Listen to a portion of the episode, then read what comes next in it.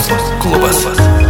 SULEP pakankamai nauja savoka atkeliavusi ir į Lietuvos viešąją erdvę. Tai tokie strateginiai ieškiniai, jie irgi yra pakankamai naujas reiškinys ir aišku, teisinė sistema šiek tiek vėluodama atrado, kad tai yra susidorojimo būdas beje ne tik su žurnalistais. Sako Lietuvos žurnalistų sąjungos pirmininkas Dainius Radzevičius. Naujausioje Europos klubo laidoje apie planus, kaip sustabdyti pasaulio galingųjų vykdomą žiniasklaidos ir visuomenės bauginimą.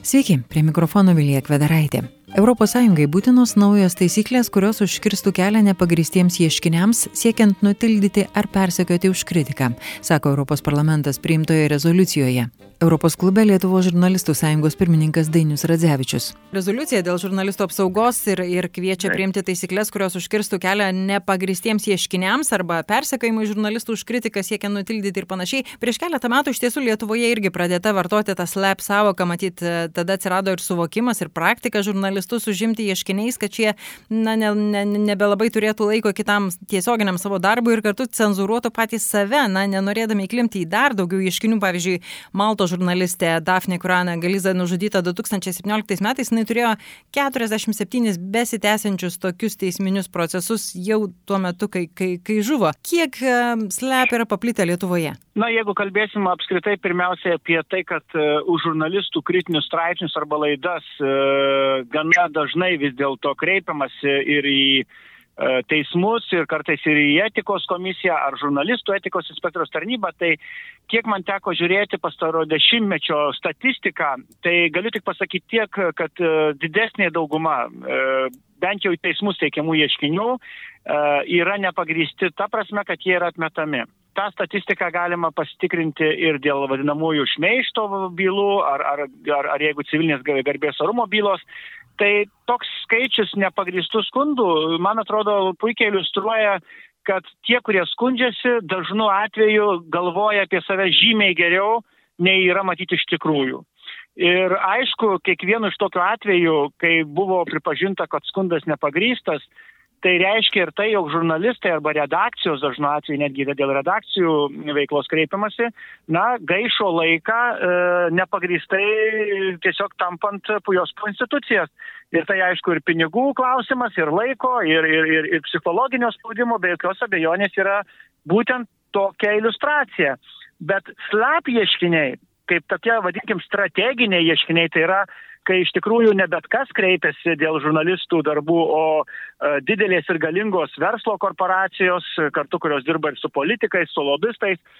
Tai tokių, aišku, mes neturim labai daug atvejų, bet e, vis dėlto karts nuo karto, kai dideli koncernai didelės, didelės bendrovės e, kreipiasi dėl, dėl žurnalistų arba visuomenininkų E, viešos kritikos, tai yra irgi iliustracija, jog e, dažnu atveju dešimtimis puslapių siekiantys ieškiniai, na panašu, jog yra labiau noras tampyti po teismus. Tai čia turbūt iliustracija yra ir su Skirmantu Malinausku, kuris, kuris nėra dabar šiuo metu žurnalistas, bet, bet jisai aktyviai reiškėsi YouTube socialiniam tinkle, Tai jis šiuo metu tikrai yra, kiek žinau, ne vieną skundą turintis e, dėl, dėl savo tų, na, YouTube laidų ir, ir, ir prieš jį be jokios abejonės mes tos nemažos finansinės ir teisinės pajėgos. Tai, tai, tai tokie požymiai, kad tai gali būti slapti ieškinys tikrai yra ne vienas ir ne du atvejai Lietuvoje. Ir jie, aišku, jie verčia sunerimti turbūt ne tik mus, bet, e, na, panašiai atrodo, mes matyti ir visoje Europoje, nes Europos parlamentas dėl to ir, ir prieimė tokį dokumentą. E, Dainio, ar turim skaičius, ar, ar, ar žinot, kiek maždaug, ir, arba dar kažkokiu kitų atveju, Skirmanto Malinausko toks gal naujausias, ar ne, ir labiausiai, na, matomas, jis pats pakankamai daug komunikuoja viešoje erdvėje. Kokie daugiau iš, iš panašių atvejų? Iš pavyzdžių galima minėti, kolegos e, iš LRT tyrimų skyriaus e, yra sulaukę ne vieno skundo, kurių, kurių žinau, kad e, dalis bent jau tikrai buvo atmesti pastaruoju metu. Tai ir Indrė Makaraitytė pasidalino uh, informaciją apie tai, kad toks verslininkas Sudelcovas, pakankamai turtingas uh, žmogus, uh, yra, yra, yra kreipęsis.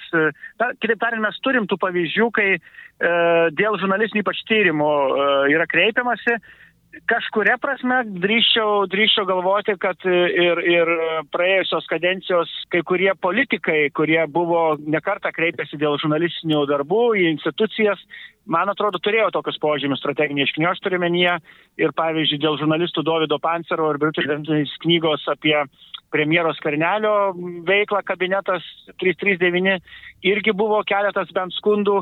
Tai man atvirai pasakius atrodo, kad visi atvejai, kai, kai bandoma galingiam viešiem asmenim kažkokiu būdu per teisinės institucijas užšiauk žurnalistus, man atrodo, yra na, požymiai, kad tai galėtų būti slepieškiniai vadinama. O kaip, sakykit, tokiais atvejais, pavyzdžiui, elgtis? Kaip, kiek, kiek žurnalistų sąjunga gali padėti situacijose tokiuose ir, ir ko reikėtų, pavyzdžiui, kad jų nebūtų, kaip įmanoma, kaip, na, kaip įmanoma apsisaugoti, apsiginti e, nuo tokių atvejų? Na, jeigu kalbėti apie e, problemos sprendimą iš esmės, tai tam ir dabar darbo grupė staryta kultūros ministerija, kad būtų parengtos taisyklės, kurios padėtų e, teismuose atmetinėti tokius ieškinius. E, šiuo metu jau yra Seime parengtos pataisos baudžiamojo proceso konkrečiai, kurios tais atvejais, kai dėl tam tikrų dalykų bus kreipiamas į teismą, tai teismas matydamas tokį, atsiprašau, civilinio proceso, tai teismas matydamas, pavyzdžiui, tokį didžiulį ieškinį dėl žurnalistų žurnalisto veiklos, e, užklaus žurnalisto nuomonės ir jeigu žurnalistas arba redakcija konkrečiai nurodys, kad tai yra e, ieškinys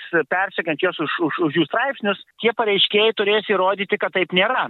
Kitu atveju teismas galės atmesti tokius skundus. Tai, tai kol kas yra tokios pataisos registruotos remiantis Kanados, Amerikos, Australijos patirtimi.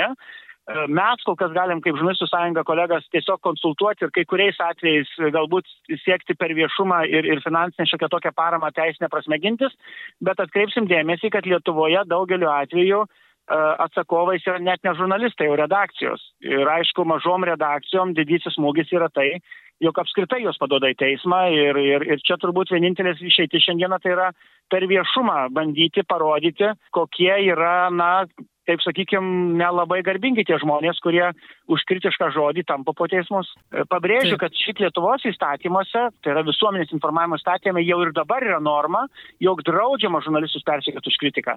Bet tiesiog iki šiol nebuvo sukurtas praktinis mechanizmas. Tai, tai Vytauto Kernagio Seimo nario vadovavimo darbo grupė, parengus ir užregistravus tą pataisą, aš tikiu, kad praktiškai tai būtų pirmas geras žingsnis, tikintis e, pirmiausia, aišku, iš teismų aktyvaus vaidmens ir teisėjų, kai bus pirmi precedentai atmetant tokius, tokius, tokius skundus, nenagrinėjant jų vėliau, man atrodo būtų labai geras, e, taip sakant, e, vakcinavimo būdas nuo nuo parazitinio užkreitimo mūsų viešos erdvės. Bet dainių minėjai pavyzdžius, tokius Kanada, dar kažkas tai, bet ES kol kas nėra nieko panašaus priimta, kaip suprantu, ne vienoje Europos, ne vienoje šalyje. Nėra, bet, bet netgi ir Kanadoje, pavyzdžiui, atskirose valstijose priimti, pavyzdžiui, tokie pokyčiai yra, tarkim, 17 metais, 2017 turmenyje.